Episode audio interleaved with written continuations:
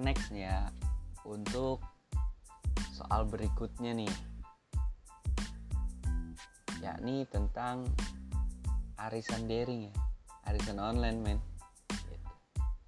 Ya pertama kita ngebahas dulu nih konsepnya men.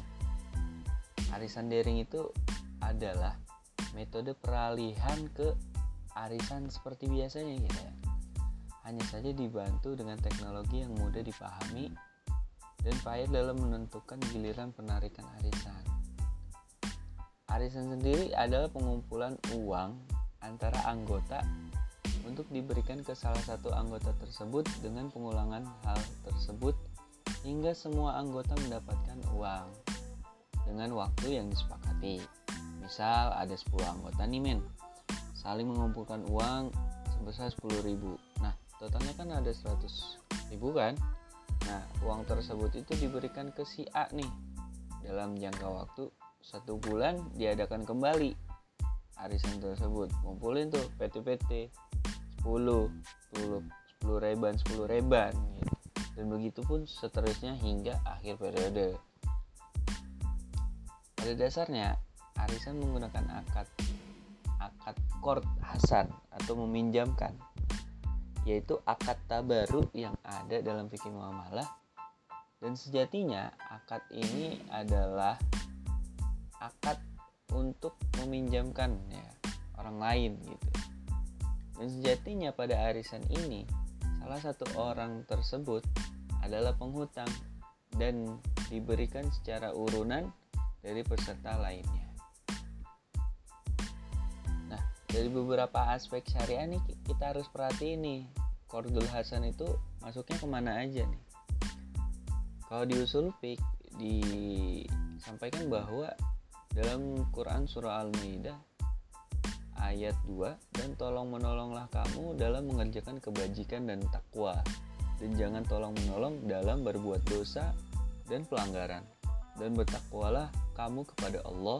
Sesungguhnya Allah amat berat siksanya Quran Surah Al-Maidah ayat 2 Ditambahin lagi dengan hadis riwayat Imam Bukhari dan Ibnu Majah Dari Abu Hurairah radhiyallahu an ia berkata Rasulullah Shallallahu alaihi wasallam bersabda Siapa saja yang meminjamkan harta orang lain dengan niat ingin ditunaikan atau dibayar, niscaya Allah akan menolongnya untuk dapat menunaikannya. Sebaliknya, siapa saja yang mengambil harta orang lain untuk memusnahkannya atau dirusak, maka Allah akan memusnahkannya.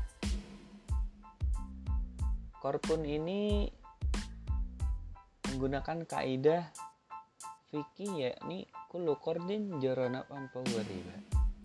Setiap utang piutang yang mendapat mendatangkan manfaat ya, bagi yang berpiutang atau mukrid adalah riba. Ya. Lalu apa sih makosidu syariah dari Kordul Hasan ini gitu. Ya pastinya dalam kehidupan ini kita kadang sulit kadang susah. Nah dalam kehidupan kita harus saling ngebantu dalam kebaikan sehingga dalam hal ini bisa memberikan bantuan kepada yang membutuhkan. Dan ini adalah tujuan atau masalah dari Kordul Hasan itu sendiri. Kemudian arisan ini menggunakan akar chord yang tadi kita ulang-ulang terus. Chord menurut Wahbah Zuhaili adalah akad yang mengakibatkan berpindahnya kepemilikan barang kepada pihak lain yang wajib dikembalikan oleh peminjam tanpa tambahan. Dan ada beberapa rukun akad dari al ini yaitu yang pertama adalah al-mukrid yang memberikan pinjaman dan dua al-muktarid yang menerima pinjaman. Dari sisi regulasi, untuk regulasi bisa disandingkan dengan fatwa DSN MUI nomor 19 tentang court dengan menyesuaikan pihak di dalamnya. Sebagaimana mestinya, pinjaman harus diberikan kepada orang yang membutuhkan.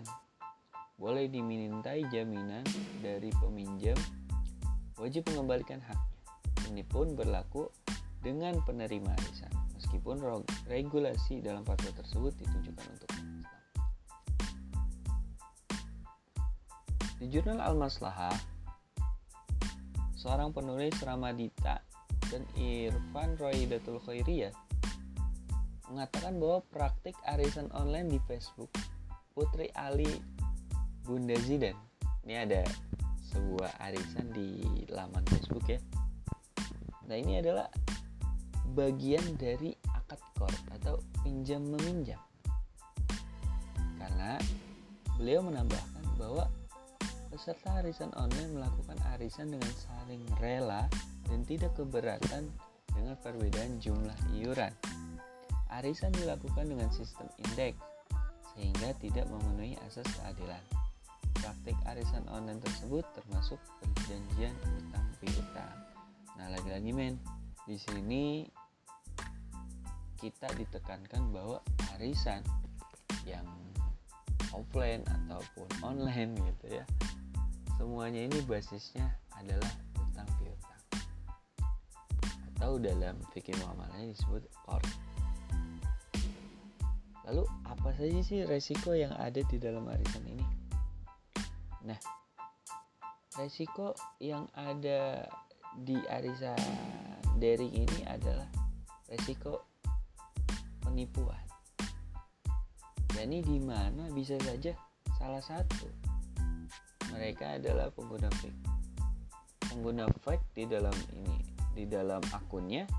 Kemudian setelah ia mendapatkan sejumlah uang itu, ia akan pergi. Namun dengan mitigasi resikonya ini adalah memverifikasi setiap peserta yang mengikuti kegiatan arisan online ini. Kemudian resiko uang hilang. Nah, ini pasti nih. Jangankan yang online gitu. Yang offline aja kita kayaknya per akan ada resiko kehilangan Mitigasi resikonya adalah dapat disimpan di dalam satu rekening yang resmi dan transaksi semua diatur di perbankan. Sehingga track record setiap pemasukan dan pengeluaran daripada kegiatan arisan ini termekanisme dan sistemnya bisa dipantau gitu